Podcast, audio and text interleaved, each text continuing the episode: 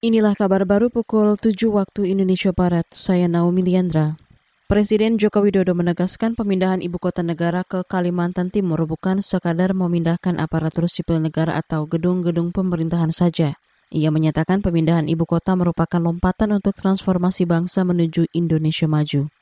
Jokowi mengklaim ibu kota baru akan menunjukkan kebesaran bangsa Indonesia, mencerminkan identitas nasional, serta menjamin keberlanjutan sosial, ekonomi, dan lingkungan. Saya yakin IKN Nusantara akan menjadi representasi bangsa yang unggul, sehingga menjadi contoh bagi perkembangan kota-kota lain di Indonesia, dan menunjukkan kepada warga dunia bagaimana Indonesia menjalankan rencana baru dalam membangun cita-cita masa depan.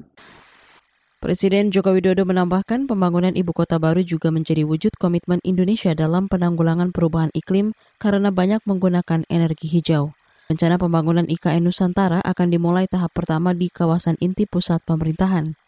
Dengan upaya merevitalisasi dan mereboisasi hutan terlebih dahulu, diikuti dengan pembangunan infrastruktur dasar, wilayah hijau dan biru kota, kompleks pemerintahan, perkantoran, dan perumahan beserta sarana dan prasarananya.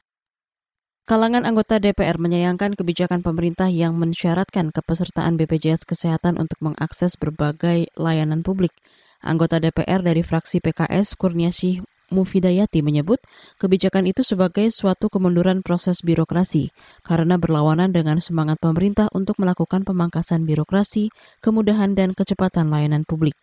Mufida mengatakan untuk meningkatkan jumlah kepesertaan BPJS Kesehatan bisa dilakukan dengan cara lain tanpa menghambat layanan publik, termasuk dengan meningkatkan kualitas layanan BPJS Kesehatan.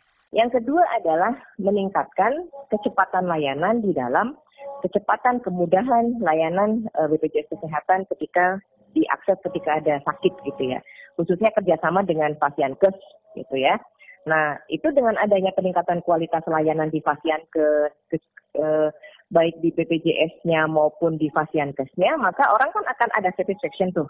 Hmm. Ya kan, peserta akan satisfaction sehingga akan tumbuh kesadarannya untuk membayar. Anggota DPR dari fraksi PKS Kurniasi Mufidayati mengatakan, pemerintah juga harus merelaksasi peserta BPJS Kesehatan yang kini sedang tidak aktif. Relaksasi bisa berupa subsidi atau potongan jumlah iuran yang harus dibayarkan, karena saat ini masyarakat masih terdampak pandemi virus corona.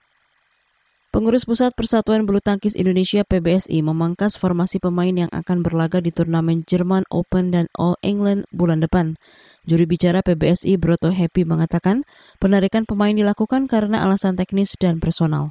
Di antaranya ada pemain yang sulit masuk undian utama, ada yang sedang pemulihan cedera, keterbatasan waktu, hingga pemilihan fokus. Ganda putra Ahsan Hendra ditarik dari Jerman Open supaya fokus pada turnamen Swiss Open dan All England. Sementara itu ganda putri Ripka Sugiarto Feby Valencia ditarik dari turnamen karena masih pemulihan cedera.